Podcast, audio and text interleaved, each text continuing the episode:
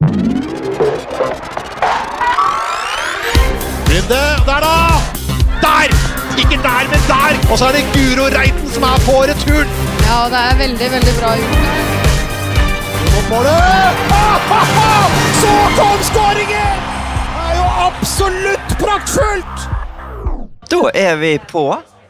Usikker på hva det heter her, Kristina. En uh, strandkafé i Brighton. I uh, litt sånn hasjeimende Brighton, uh, må vi jo lov til å si. For det er en veldig frisinnet by, men en fin by. Så vi er blitt glad i. Ja, jeg har blitt veldig glad i Brighton nå etter å ha vært her i en uh, ukes tid. I hvert fall for en som uh, burde vært født i Syden, men som ble født i Norge, så er jo dette et uh, flott sted å være. Ja, og så er vi så heldige at vi har fått besøk i denne episoden av vår Ikke vår ekspert, for det er hun ikke. Det er veldig viktig å presisere. Noen tror hun er ansatt av TV 2 nå, men det er hun ikke. Men som gjest og landslagsspiller Cecilie Fiskerstrand, velkommen. Takk, takk. Sitter her nå, akkurat nå med foten oppå en stol, og vi har blitt vant til å se deg i denne posituren. Den uken du har vært med oss nå, eller drøye uken. Ja, foten er, det er travelt, men den må høyt, så den er på bord og på fang og på stol. Overalt er den foten. Akkurat nå sitter vi og venter på mat, og Kristina sa at vi burde kanskje vente til hun hadde fått maten, for du var nødvendigvis ikke helt sikker på din egen leveranse før du hadde fått mat i dag? var det sånn? Ja, Jeg blir jo litt irritabel når jeg er uh, sulten, men jeg kan jo være ganske underholdende når jeg er irritabel, da. Det må jo sies. Det er veldig gøy. Jeg blir også helt lik, da, bare for, det, for ordens skyld, men eh, det er veldig gøy når andre blir det, syns jeg. jeg kjenner meg sånn igjen. Litt bakgrunnsstøy kommer det til å være på denne episoden. Det må dere rett og slett tåle. Hvis vi skal få muligheten til å opprettholde denne podkasten her borte, så må vi ta det litt mellom slagene. Så da må vi ta det nå mens vi venter på mat, etter at vi har vært på treningen til Norge dagen før kampen mot eh, Østerrike, og før det begynner med pressekonferanser oppe på stadion. Og vi har jo ikke vært inne siden uh, etter vi slo Nord-Irland, Kristina. Det har jo skjedd ting siden det.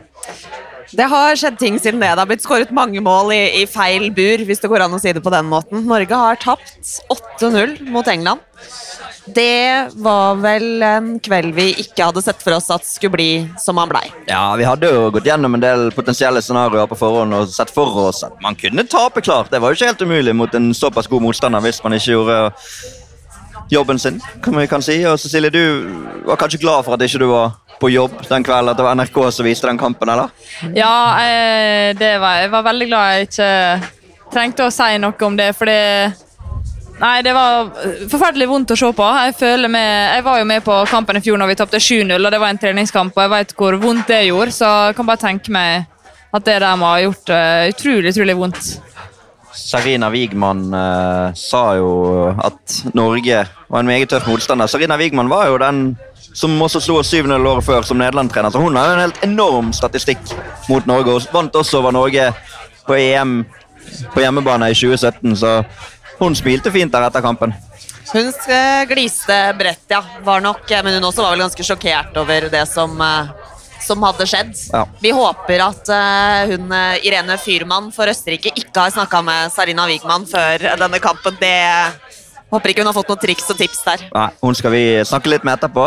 Brøsje opp skoletysken litt, så vi kan få noe ut av hun Um, før vi begynner å snakke litt om deg, Cecilie, og din uh, tilstedeværelse her hos oss. Det er jo på en måte en del av det, da, men uh, vi hører jo på litt andre podkaster og følger med oss litt i andre medier. og den The Athletic-podkasten Jeg vet ikke om du har fått hørt den episoden nå, Kristina, men de var jo innom og snakket litt om en annen kamp som fant sted i Brighton på mandag formiddag mellom Norge og England, som du spilte. Ja, jeg spilte den. Cecilie var jo trener for uh, presselandslaget. Eh, det bildet så vel ganske annerledes ut enn det de gjorde senere på kvelden. Det var jo Norge som dominerte stort i presselandskampen. Ja, det var jo eh, Norge som vant, da. Men det var utrolig krevende lag å være trener for, det må jeg bare si. Hvorfor det? Nei, um, Jeg benka jo han Børsli, da, og det var ikke han helt fornøyd med. Så jeg måtte ta en liten alvorsprat på benken der. Men så fikk jeg liksom gjengen i rute, og så gikk det veldig bra. Men Var det riktig vurdering om benkene? Sånn Rent sportslig, hvordan vurderte du Jan Henrik Børsli sine prestasjoner? Nei, eh, jeg tenkte at eh, det var på tide at noen måtte jekke han litt ned. Så ja. da tok jeg den rolla. det ble 4-0-seier. og uh, Du har jo med deg kjæresten din her borte som en slags sånn personlig assistent for deg. når du skal komme deg rundt. Han spilte jo en omgang for hvert lag der. Ja, han spilte først for Norge, og så syns han at Nei, nå måtte han gjøre noe annet, så da gikk han over til England. og endte jo da opp med et eh, kjempeskrubbsår på leggen etter å ha blitt funta ut av en Børsli der. Så jeg tror akkurat nå så uh, har han mer vondt enn meg. I hvert fall tror han det. Ja, det tror han, men han har ikke lov å klage. Når du sitter her med den skaden du har, så kan ikke vi gi han for mye sympati for et skrubbsår. Nei, men jeg tror han føler det, altså. ja, han gjør nok det. Men um, hvordan er det å være på tur med oss? Eller hvordan er det å være i et mesterskap på denne siden av mikrofonene og denne siden av sperringene? Det er jo veldig annerledes. Altså, jeg hadde jo selvfølgelig gjort alt for å være med gjengen som jeg hadde forberedt meg på å være med, men uh, når det først ble sånn, da, uh, så syns jeg det har vært veldig kjekt. For det første så er det en veldig fin gjeng, det må jeg bare si. og så er det veldig interessant og lærerikt å se liksom hvordan ting fungerer på måte på den andre sida. For man får et litt sånn der spesielt forhold til media under et mesterskap. Uh, og nå har jeg liksom gjort meg noen refleksjoner som jeg ikke har gjort før. da, når jeg bare stått på den andre sida, som jeg syns har vært veldig interessant og nyttig. da, Som jeg kommer til å ta med meg til neste mesterskap, når jeg forhåpentligvis er på andre sida. Ja. Ja. ja, hva er det, da? At vi ikke er så skumle som det legges opp til at vi er? Eller? ja, men liksom At det går på en måte an å snakke med dere liksom off the record før man skal på. For det, det, er det man ofte, eller i hvert fall jeg personlig, da, har uh, følt før at jeg har vært så redd for å Nei, nå må ikke jeg liksom avsløre for mye, liksom, selv om at det ikke er på tape. Så ah, nå kan, jeg kan ikke si sånn og sånn, og jeg må ha, gjøre et sånt inntrykk. Men dere er jo helt ufarlige, og man, det, jo, det er jo lov å spørre på forhånd. Hva skal vi spørre om?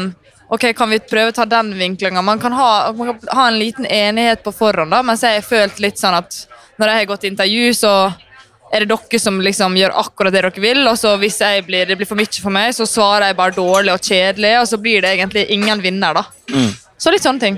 Vi har jo veldig god tilgang, Kristina. Vi får jo snakke med de norske spillerne egentlig hver dag. Noen. Eh, vi sammenligner litt med andre lag, f.eks. England, som vi spilte mot tidligere i uken. Har jo et mye strengere presseregime enn det vi får være med på.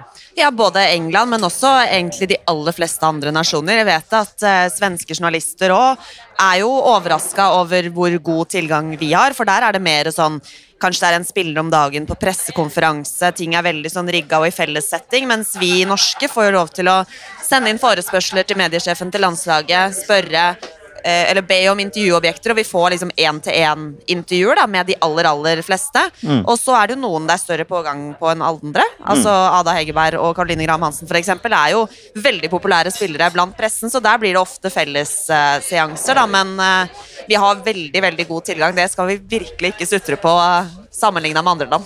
Og så er vi på treningene hver dag. Cecilie, du har vært med på noen treninger og, og stått eller sittet og sett litt der oppe på feltet. Eh, hvordan har det vært for deg?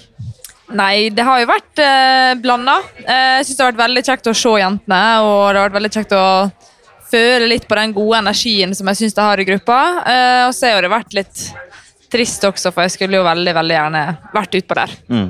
Er det ekstra tungt eller rart at det er i Brighton, der du sjøl spilte i halvannet år, men fikk liksom litt hele perioden ødelagt av en koronapandemi som, som gjorde dette. Hva tenker du om det? Nei, Det syns jeg egentlig har bare vært fint. fordi ja. at det på en måte vært, Da har det vært noe kjent jeg har gått til. For nå har jeg gått til noe helt ukjent som jeg vet ingenting om. Mens på en måte så omgivelsene har vært litt trygge for meg, da, fordi mm. at jeg er kjent her. Men det eneste som jeg syntes var kjedelig, det var at uh, jeg hadde gleda meg veldig til å spille på MX, for det fikk jo vi ikke gjort pga. covid når jeg var i Brighton. Så det hadde jeg gleda meg veldig til. Så det, det, er det tristeste med, med lokasjonen, da, syns mm. jeg. Og så har du ikke fått klærne dine ennå? Nei, nå, eh, nå, altså, nå har jeg gitt opp. Eh, nå, jeg trodde jo i går, jeg snakka med Norwegian i går, og da sa de nå kommer den i dag. Og så ringte de igjen i dag. To og en halv time i kø.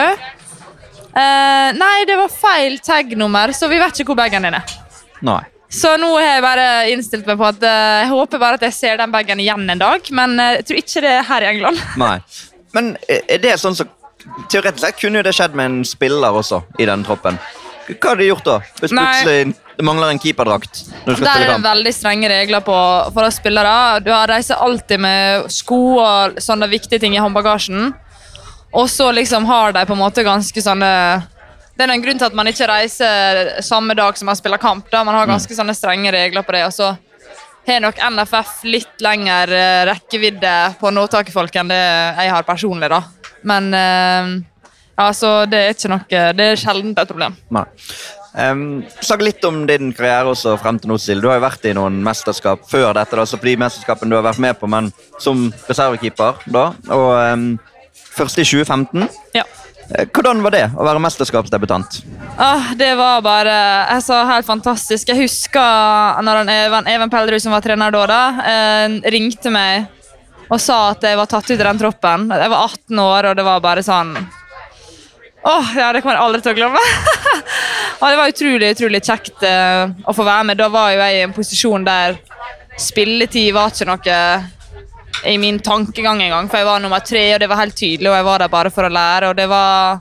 Når du har den, på en måte, når du vet at du er nummer 23 og ikke skal innpå, men fremdeles liksom elsker å få være der, da, så er det en helt fantastisk opplevelse. Det er nok verre når man blir nummer tolv og begynner mm. liksom skal kjempe litt, så er det en litt annen ting. Men akkurat eh, det 2015-mesterskapet var utrolig spennende.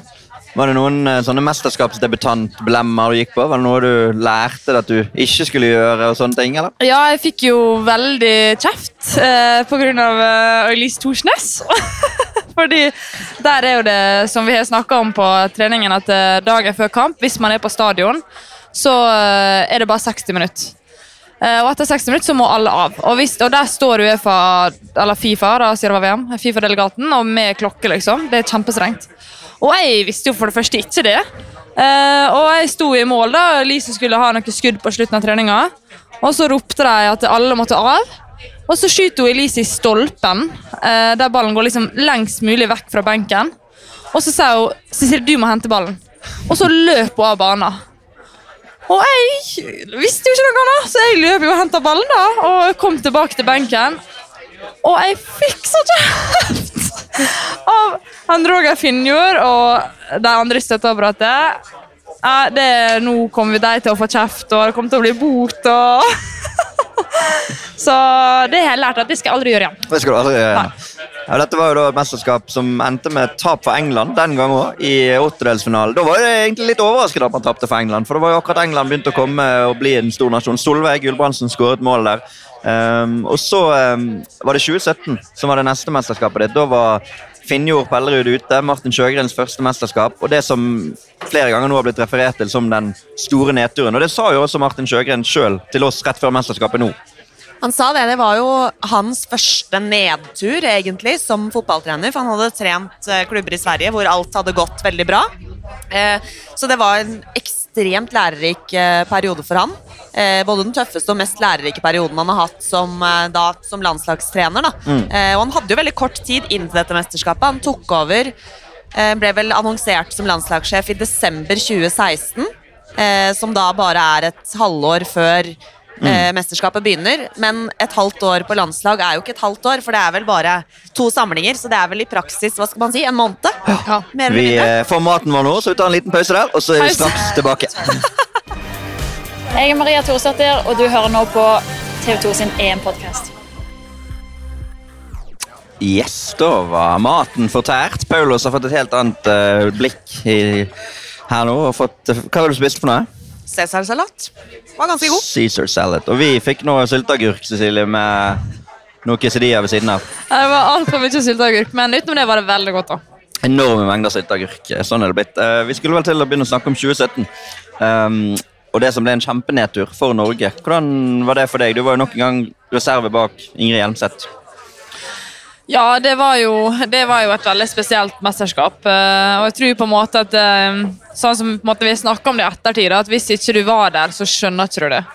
Eh, for mange av de som har kommet inn seinere og sånn, så, så det var et veldig spesielt mesterskap som er veldig glad at liksom, nå er det endelig EM igjen, så da kan vi på en måte bare legge det 2017-EM-et dødt, og så mm så heller neste gang snakke om ditt, eller skjønner hva jeg mener. At nå er vi ferdig med det. Det ble tap for Nederland, tap for Belgia, tap for Danmark. Ingen skåringer. Um, fine omgivelser denne gangen òg. Appeldorn i Nederland der. Dere har syklet rundt uh, til treningene. og Det som var Martin Sjøgrens debut, som vi sa, som norsk landslagssjef. Uh, jeg husker han etter gruppespillet var ferdig, en sånn pressekonferanseseanse som han holdt alene på treningsfeltet der. og Det er sjelden jeg har sett en mann være så lei seg og nedstemt som han. Jeg vet ikke hva du husker fra den tiden sjøl? Jo, jeg husker veldig godt det. Det er et av de sterkeste minnene. skulle jeg si. Det var når jeg så Martin på morgenen der etter den Danmark-kampen skulle dra til pressekonferanse.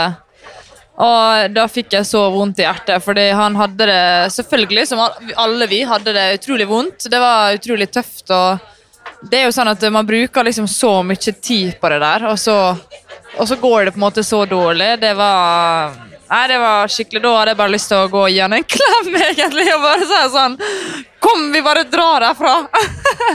Men så må jo man på jobb, da. Mm. Og litt det samme han så ut etter kampen nå mot England. Det, det kunne minne litt, men uh, nå tilsynelatende i hvert fall. Han kom seg raskt opp inn på hesten. Han sprudler igjen på treningsfeltet nå denne uken Kristina, og virker offensiv inn mot avgjørende kampen nå. Ja, jeg spurte han i går hvordan han eh, hadde det. Han sa i dag er det bedre. Men mm. uh, både kvelden etter uh, eller på kvelden på kampdag der, og dagen etter var tung, og han var nødt til å Det var litt selvransakelse som måtte til eh, for han, sier han. Og så fikk han jo eh, fortsette. Åpenbart at du kvitter deg ikke med en trener etter et mesterskap, uansett hvordan det går. når du har tatt så kort tid på deg, og Dere slo umiddelbart tilbake i den påfølgende kvalifiseringen, der dere av alle ting kom i gruppe med Nederland, som da dere hadde tapt mot i EM, som hadde vunnet EM som var kanskje Europas beste lag akkurat da, men dere vant den kvalikgruppen. Hvor deilig var det? Nei, Jeg hadde tenkt å si det når vi snakka om uh, tidligere Nederland-kamper. Så hadde jeg tenkt å si, ja, men nå husker at vi slo dem ut i VM-kvaliken. De måtte spille playoff, og det mm. måtte ikke vi. Og det, hvis vi snakker om liksom, et av de verste minnene var i EM, da, så et av de beste fotballminnene mine det var den kampen på Intility når vi spilte mot Nederland. Det var siste kampen i kvaliken. Vi måtte vinne. Nederland hadde klart så mye uavgjort. Uh, og det, Jeg spilte ikke den kampen engang, men allikevel så er det det er et av mine aller beste fotballminner. Altså når, eh, det ble jo 2-1, da, og Nederland hadde corner på overtid der. Og når den ballen ble klarert og, og, og dommeren blåste av Jeg, tror jeg aldri har vært så lykkelig. Fordi det var Det føltes ut som at det var på en måte Hvis ikke vi hadde kvalifisert oss til det mesterskapet, så hadde alle mista trua på oss. For når vi akkurat leverte et dårlig EM ja, det, jo, det var jo mye styr med det. Det hadde vært en storm å stå i, da. Og så klarte vi det der. Det var Altså, jeg, jeg har noen bilder der jeg sitter og griner på benken, for jeg er så lykkelig. Så det var helt utrolig. Ja, for Da slo man det på en måte umiddelbart tilbake. og Det er jo noen av de eh, knappene der det har vært snakket litt om nå, at det er de tingene som må dras frem igjen i denne spillergruppen. og Det mener jo flere at de, det at de har hatt den erfaringen med å heve seg, samle seg, slå tilbake, at det kan tale positivt inn mot den kampen som vi har foran oss allerede i morgen. Ja, absolutt. Og det var jo på en måte der man bygde den sterkere sammen-merkevaren, eh, skulle jeg si. Um, og det er liksom sånn, det, det, hadde alt å si. da. Jeg vet bare at jeg satt på benken den kampen, og det betydde alt for meg. Og Klarer du å få en sånn følelse i en tropp, som jeg syns det ser ut som de har nå, så, så er det, stiller de i hvert fall mye sterkere til å slå tilbake enn hvis du har en splitta tropp. Mm. For Da ble det altså VM 2019. Nok en gang var du i troppen der. Da var du òg med, Kristina. Var det din debut som uh, mesterskapsjournalist på kvinnesiden? Ja, det var min mesterskapsdebut. Husker ja. jeg reiste spent ned til Reims oppe i Champagne-distriktet i Frankrike der. Uh, bodde på et ganske stusslig hotell midt på motorveien. Eh, så det var ikke sånn veldig opptur fra, fra start der. Dårlig vær var det første dagen òg. Mm. Det er ikke du glad i? Jeg, jeg, jeg er jo et sydenmenneske. Så når vi kom oss ned til NIS, det andre gruppespillskamp, husker jeg at mitt, eh, mitt humør, humør, lysnet. Mm. For da var det jo Nigeria, åpningskampen, og da var det enorm interesse. Sant? Fordi at Hvordan skal dette laget stå tilbake? Nå har de sviktet Norge forrige gang de var i aksjon? Eller det var jo ikke det da i praksis, men det er jo gjerne sånn at folk husker mesterskapene ja, ja. mer enn kvalifiseringene. Og det ble seier mot Nigeria. Fikk dere litt den følelsen igjen da, som dere hadde etter den Nederland-kampen i kvaliken? At nå har vi vist dem, eller hvordan var det? Ja, men vi hadde en veldig god inngang også til det meste. Altså Den følelsen som vi tok med oss fra den kvalifiseringa, tok vi med inn i mesterskapet. Uh, så det var en veldig Det var en veldig god energi og god gjeng som var der. Uh, så den følelsen ja, hadde vi med oss egentlig fra fra den Nederland-kampen. Parallelt med dette så var du en del av et Lillestrøm-lag LSK Kvinner som spilte Champions League. Eh, det var jo ja, det må jo ha vært tre måneder før mesterskapet. da, På vår bursdag. Ja. Cecilie og meg, bursdag samme dag. 20. mars. Eh, dere møtte Barcelona i Barcelona. Um, da sto jo du. Du var ja. reservekeeper på landslaget, men der sto du. Og hele den der på en måte kan vi kalle det boomen da, rundt kvinnesiden av fotball var virkelig begynt å sette seg. Barcelona hadde begynt å satse på, på sin side. Eh, det var forventet store tilskuertall i Frankrike. Og det fikk jo dere ikke minst i den kamp nummer to der mot Frankrike i NIS, som også har vært en stor opplevelse, selv om det endte med tap. Ja, det var klart at uh, ja, I det året der så skjedde det veldig mye. Uh, selv om at det var jo også Vi spilte jo mot Nederland i 2017 foran mye folk ja, også. Ja. Men bare sånn fra, ja, egentlig fra jeg kom inn på landslaget, og, og de siste åra har det skjedd veldig mye. da, og Frankrike det husker jeg da det sånn i det mesterskapet der, Det var veldig mye interesse, og man følte seg litt som en sånn superstjerne når du gikk i gatene der. For alle var liksom sånn Fulgte med på mesterskapet og heia, og det, var, det syntes jeg liksom var så gøy. Eh, så det var, det var, en veldig kul, kul opplevelse. Men det ble 1-2-tap der, og så ble det en sånn nok en gang da, siste avgjørende kamp i gruppespillet mot Sør-Korea den gang, som dere klarer å vinne. Kommer til en åttedelsfinale mot Australia, som òg er en sånn der tøff motstander som virkelig kunne skape trøbbel, og det ble straffekonkurranse. Og din keeperpartner Ingrid Hjelmseth ble helten for Norge. Hvordan husker du den kampen?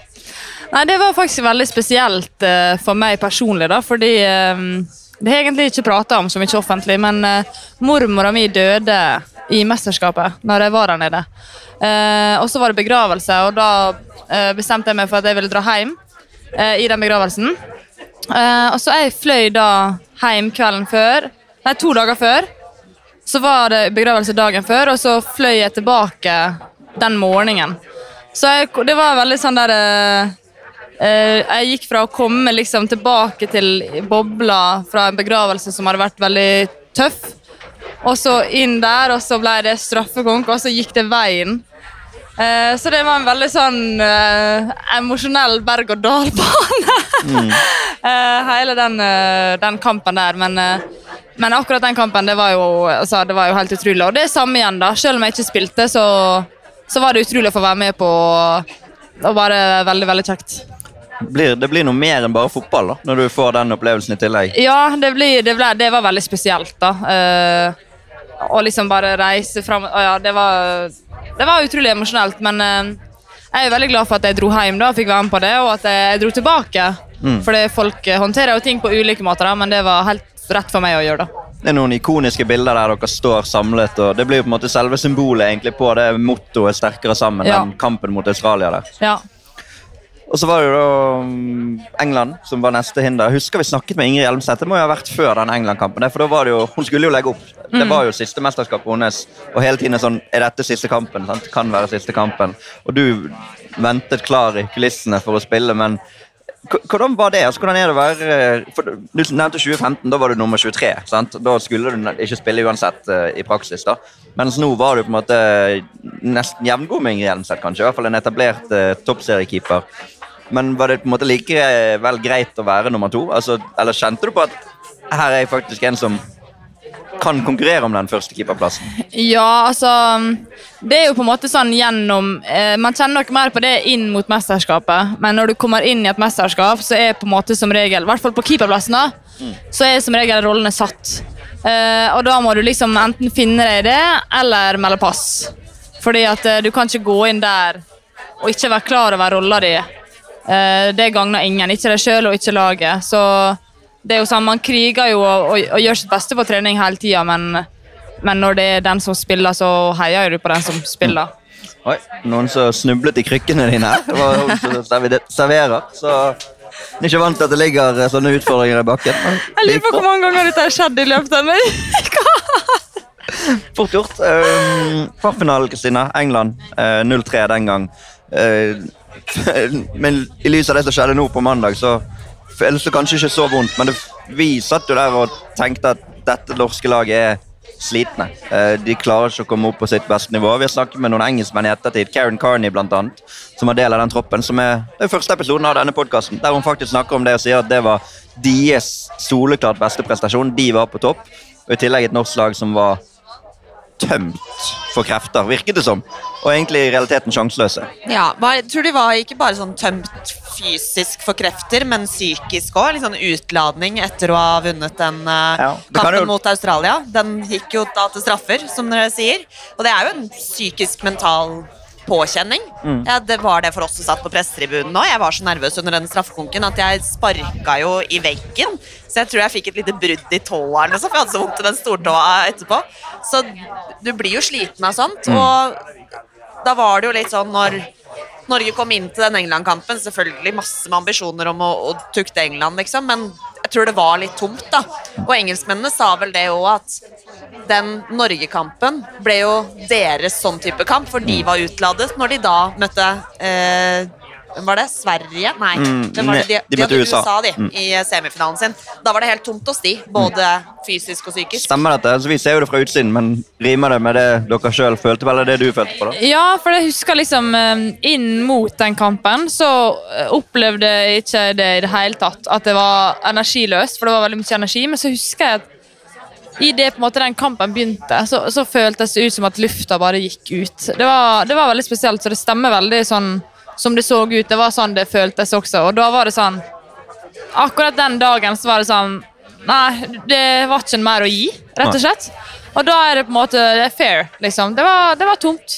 Og så kan jo man diskutere i etterkant om man skulle gjort noe annerledes, men, eh, men akkurat der og da så, så var ikke det noe mer å gi. Og da, da følte jeg på en måte at vi røyk ut av det mesterskapet med hodet høyt heva liksom, og hadde gjort en, en god prestasjon. da. Kom jo til en kvartfinale, og det var syv av åtte europeiske land der i den kvartfinalen. Så er det klart at hadde du klart å vinne den kampen, så hadde det blitt OL. Det ble det jo Ja. ikke. Um, og det er jo mye større på kvinnesiden av fotball enn på herresiden, så akkurat den OL-plassen ville man jo ha. Men for din del, da? Da er det mesterskapet over. Mesterskapet over. Ingrid Hjelmseth gir seg på landslaget, og du er førstevalget. Hva, hva kjente du på da? Nei, det var jo noe som eh, Selv om at det hele tida målet mitt, var å ta den plassen mens hun spilte. Men eh, det klarte jeg jo ikke. Men eh, da kjente jeg jo bare på at Ja, nå skal jeg liksom vise at jeg fortjener det her. Mm. Uh, så fikk jo jeg spille da hele den EM-kvaliken til det EM her, da. Det er jo så lenge siden. det, det er tre år siden, men det er jo faktisk det er høsten 2019. Uh, og det var utrolig kjekt. Uh, det er klart at det, det er veldig kjekt å være en del av landslaget, og, og jeg har vært med lenge. Eh, men alle vil jo spille. Det er jo derfor vi driver med det. Det er jo det gøyeste å få spille kamper. Så det var, det var utrolig kjekt. For dette EM-et skulle jo egentlig vært i fjor, eh, men ble flyttet som et resultat av koronapandemien. Det også, for det herremesterskapet ble flyttet et år. Skulle vært for to år siden. Og da, i løpet av det Ja, det blir jo året etter, da. Så flytta jo du over hit til Brighton og prøver deg i WSL. For det blir jo da januar 2020, er ikke det? Ja, stemmer. Ja, rett før eh, pandemien kommer. Og ja, nå sitter vi her nede på stranden og ser utover en by som uh, sprudler. Det er jo liksom nesten Syden-versjonen av England, dette. Ja, de sier jo det at uh, dette er liksom Dette er det England har å tilby på liksom som kan nærme seg Syden. da. Mm. Og det kommer veldig mye folk hit hver sommer for å bade og være i byen. og Ja, her er veldig mye liv. Men du fikk ikke oppleve for mye av det, kanskje? Eller litt Nei, det strand fikk du kanskje alene? to måneder der, da, og så stengte jo alt ned. Og så, ja, når vi kom tilbake, da var det ikke så mye liv her, for å si det sånn. Det, pandemien var jo veldig tøff her i England, da. Eh, Det var veldig strengt her, så det var en eh, Ja, det var en utrolig spesiell opplevelse. Sånn sportslig, da. Hvordan syns du det var å, å være her borte da?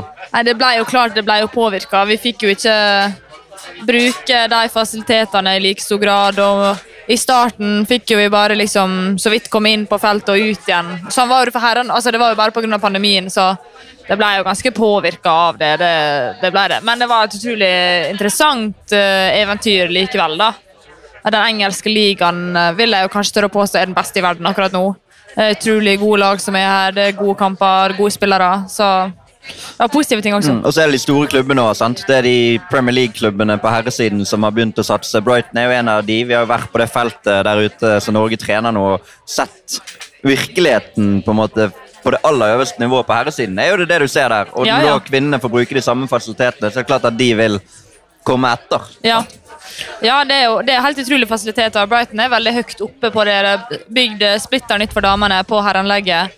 Og vi brukte mye på MX på herrestadion, så jeg husker jeg lå og tenkte MX hadde akkurat, nei, Brighton hadde akkurat spilt mot eh, United hjemme. da. Eh, og så var vi i bortegarderober, og begge garderobene har hver sin sånn liten gym da, som sånn til oppvarming. Så lå jeg på gulvet der da, og gjorde litt bevegelighet, så lå jeg og tenkte sånn her lå han De Gea i går og gjorde seg klar til kamp. Og nå ligger jeg her. Så det er jo litt kult, da. Ja, ja det er klart Ja, ja. det. det er jo, du- er veldig tett på. Og, men uh, dessverre for deg da sammenfalt det med den pandemien, og det er jo selvfølgelig bittert. Men du valgte å reise hjem igjen til Lillestrøm i fjor. ble det? Nå går jo litt surr i året. Nei, det blir jo fjor. Ja, For ett år siden. Fjor sommer. fjor sommer, Mm. ja. Eh, og fremdeles del av dette norske laget, da, som er i gang med en VM-kvalifisering, som dere også har gjort det bra i. En litt skuffende kamp mot Polen, men har kontroll på puljen. Mm. Kommer til å kvalifisere seg for VM hvis dere slår eller unngår tap mot Belgia Ja. uh, i Når er den kampen? September? September, ja. Ja. Litt rart, det at, eh, men det er jo pga. at mesterskapet Ja. er flyttet, så, så er liksom et, en annen kvalik allerede begynt. Men uh, uh, det har vært snakket en stund nå om at dette laget har tatt nye steg, og at 2019 er blitt til 2022, og Norge er blitt bedre. og alle lag er jo blitt bedre. Det har vel vært en enorm utvikling sånn generelt disse årene. Ja, ja, det har vært en veldig stor utvikling. og altså, På damesida nå det er så mye som skjer, så det gjelder bare å henge på. liksom. Og akkurat den perioden fra, ja, fra før pandemien til nå, da, så syns jeg på en måte Norge, eller vi, da, har vært litt uheldige også. for det vi mista veldig mange gode treningskamper. Vi skulle spille mot veldig mange gode motstandere i den perioden. her. Eh, Men det gikk bort pga. pandemi, og da har vi stått igjen med å bare spille kvalikkamper.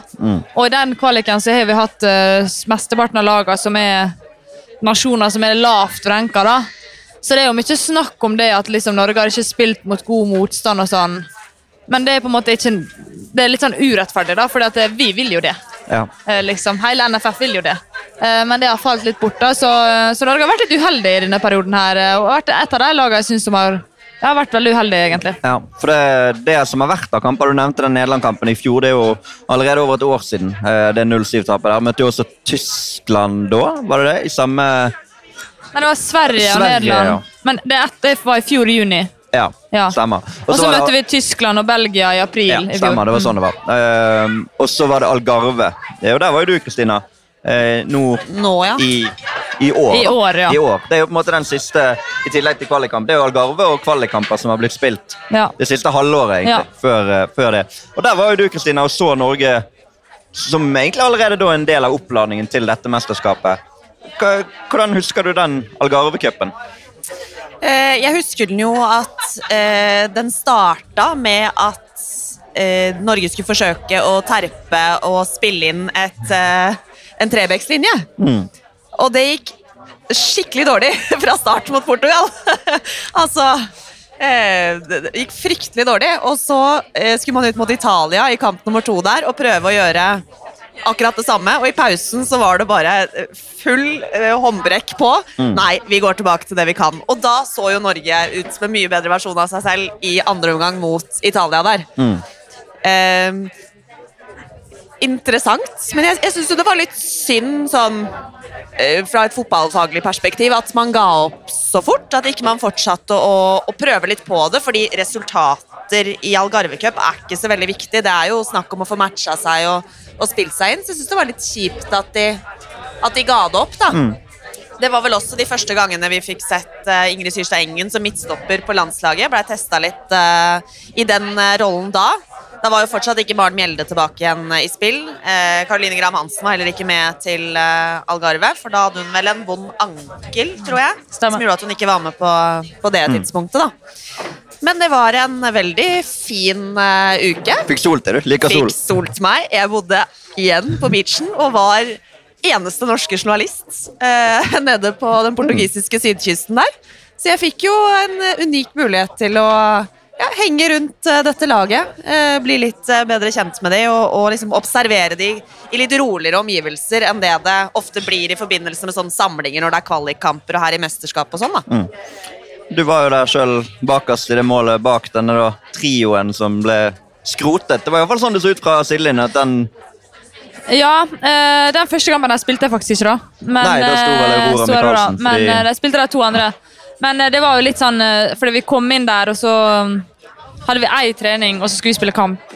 Så det var jo litt sånn Det, eh, det er vanskelig at ting skal sitte etter ei trening. Og det, det er sånn som vi har snakka om mye nå, at det, det er en grunn til at lag ser så mye bedre ut eller landslag da, ser så mye bedre ut i mesterskap enn de gjør i kvalikkamper. fordi her får man så mye tid til å jobbe sammen. Og det å komme, komme liksom fra alle mulige klubber i forskjellige sykluser inn der ei trening og spille kamp med folk du egentlig da Da hadde ikke vi møttes siden november. Det er ganske mange måneder. Uh, det, er ikke, det er ikke bare bare. Så ja, Men jeg syns det er riktig at man prøver i treningskamper. Mm. Og det er jo kanskje litt synd at vi ikke har fått alle de treningskampene som vi skulle hatt, for da kunne vi øvd mer. Mens i kvalikkamper så er det resultat som teller. Mm. Eh, da kan man øve mindre, selv om at selvfølgelig man kan øve mot de lavest ranka nasjonene, men da får ikke du øvd på ja, det du skal. Det er ikke vits å drille trebaksforsvaret mot Kosovo nei, nei. for å øve på å spille mot England. Det, det, har ikke noe å si, det. Så, ja, så det, det, er ikke, det er ikke enkelt det der å liksom legge opp hvor mye tid skal man bruke på nye ting. og for det, du har veldig begrensa tid på, mm. i et landslagsår, da. Um, vi må snart begynne å runde av. Ja. Vi har jo andre ting vi skal gjøre. Men vi, vi, må litt innom grunnen til at ikke du er her som spiller også, Cecilie. Selv om jeg skjønner at det er tungt å snakke om. men du blir jo da skadet. Da er vi i begynnelsen av mai. 12. Ja. mai eller noe sånt. rundt ja, det. Nok, uh, ja. Jeg husker vi Kristina, var i England på en tur med TV 2-sporten. Sånn, uh, egentlig en, en sånn sosial tur, men sånn med noe eh, faglig også. åpenbart. Vi reiser ikke bare på sosiale turer, men i hvert fall mange. Og vi fikk den nyheten, eller beskjeden om at korsbåndet til Cecilie Fiskerstrand var røket. Og hva, hva, skjedde? Kan du si det? Nei, det var Skulle ønske liksom at det var noe som var verdt det, da. Men det var bare et vanlig trening. Siste runde av en possession skulle gi oss etter det og så bare skulle jeg endre retning, og så kjente jeg bare at der der røyk EM, var det egentlig jeg kjente. Mm. Uh, det gjorde veldig vondt i kneet i ett sekund, og så gjorde det veldig vondt i hjertet enda.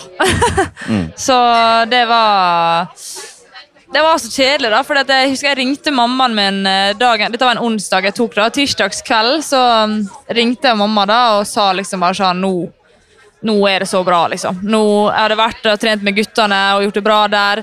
Dagen før hadde jeg vært på Olympiatoppen og gjort noen tester. Aldri vært så bra fysisk. Jeg følte meg bra mentalt. Jeg følte meg bra fotballferdig, fotballferdighetsmessig. Liksom. Jeg hadde god treningsuke. Så jeg var bare sånn Nå er det så perfekt inn mot EM, liksom. Nå er jeg så klar for det her. Og så er det liksom ett sekund, da, og så mm. blir ikke det noe av. Så det var Ja, det er tøft hva gjør du da? Altså, hvem, hvem, kan du snakke med da? Eller må du bare mure deg inne og være aleine med tanken din? Eller hvordan, hvordan, responderer man på noe sånt? Nei, jeg har Ja. Uh, jeg har nok burt meg mest inne, ja. Jeg dro rett hjem da, uh, til mamma og pappa. Og var der i et par dager uh, og bare var aleine, egentlig. Og så har du på en måte ikke noe valg, da, for det er jo en sånn skade som gjør at du må komme i gang. Uh, uh, og trene og gjøre ting. Men jeg skal innrømme at jeg holdt meg uh, unna folk. Jeg var ikke på Lillestrøm-kamper, f.eks. Jeg orka ikke å møte. Jeg vet jo at det, veldig mange hadde jo bare lyst til å uttrykke liksom, støtte og kjærlighet, og det er jo veldig hyggelig, men, men akkurat når det er tøffest der, så syns jeg bare det var helt forferdelig å møte hvem som helst, egentlig. Når jeg dro hjem, så gikk jeg ikke på butikken, for jeg orka ikke å møte noen. Jeg dro ikke på trening. Den eneste plassen jeg dro, det var Olympiatoppen, egentlig, for det måtte jeg. Mm. Og så var jeg bare hjemme og måtte bare håndtere det sjøl. Så skjønner jeg at Det er jo på en måte noe som kommer til å sitte i lenge, og du kommer egentlig sikkert aldri til å komme over at ikke du er en del av dette mesterskapet her. men vi må jo rose deg for måten du har kommet inn her med oss da, og, og taklet den utfordringen på Du er jo kjempehumør hele veien, i hvert fall utad, da. Så, så sprudler jo du. Så du må jo ha gjort noe riktig i den bearbeidelsen i det som nå er halvannen måned, da. Ja, jeg, jeg vet i hvert fall at jeg lot meg sjøl bare liksom føle det som jeg, jeg følte, da. Og så sa jeg, eh, fysioterapeuten min sa ganske tidlig at eh, ja, du må tenke på om du skal dra til England. Og jeg bare aldri. Aldri, aldri om jeg skal til England. liksom. Jeg skal, jeg skal ut av Europa. Jeg skal, liksom, jeg skal til ei strand der det ikke er dekning, og jeg skal sitte der og synes synd i meg sjøl. Eh, og så går jo på en måte tida, da. og så fikk jeg operert, og det hjalp. da. Mm. Fordi Før jeg opererte, så var jeg veldig på Jeg hadde lyst til å prøve å spille uten korsbånd. Jeg holdt litt på kanskje et litt urealistisk håp, som ikke gjorde det noe bedre. Og Så fikk jeg operert, og så fikk jeg liksom tenkt meg litt om. da. Det er litt sånn, Jeg har ikke noe valg. på en måte. Jeg må bare, Kneet er som det er. Og da følte jeg sånn, ok, nå kan jeg velge om jeg skal jeg sitte hjemme i sofaen og ja, synes synd på meg sjøl, eller skal jeg dra og, få noe ut av det? Være en del av det, gjøre noe nytt, få en ny erfaring. Og da valgte jeg det, da, og det er jeg veldig glad for. Mm. Og det er vi jo veldig glad for. Ekstremt glad for det. Det har vært et nydelig tilskudd. Og som Cecilie sier, hun får en del perspektiver på, på hvordan det er å være på den andre siden, men vi òg får jo en del perspektiver av henne, hvordan ting oppleves for, for spillerne. da. Eh, og hvordan vi også kanskje kan ja, tilpasse oss de til, til en viss grad, og, og, også hjelpe de å forstå oss mer. Så dette her tror jeg har vært nyttig for veldig mange. Ja får håpe at det har vært hyggelig for de som har hørt på denne podkasten. Eh, de bak oss har i hvert fall hatt det veldig hyggelig. Mye klining bak ryggen din, eh, Cecilie, så du ikke har fått med deg. Men eh, de har sittet og virkelig underholdt seg. Så håper det har vært kjekt å snakke litt òg. Ikke bare med et kamera i ansiktet, men også bare en mikrofon. Det er veldig kjekt. Jeg tar meg selv at jeg sitter og nikker, da, så tenker sånn, det er det ingen som får med seg. men ja, det har vært veldig kjekt. Ja, det er veldig bra. Så takker vi for oss, Kristina. Så får vi se litt rett og slett hvor mye mer podkaster vi rekker. Det, det, er ganske hektisk her. og ting skifter hele veien. Men det var i hvert fall kjekt å få levert inn. Ja.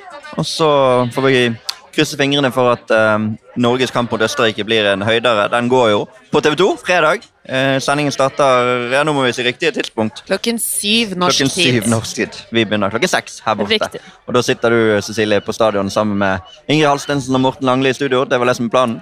Det er planen, så hvis jeg finner rekker og klarer å kjøpe meg et antrekk til det, så kommer jeg. Og hvis ikke, så vil jeg ikke.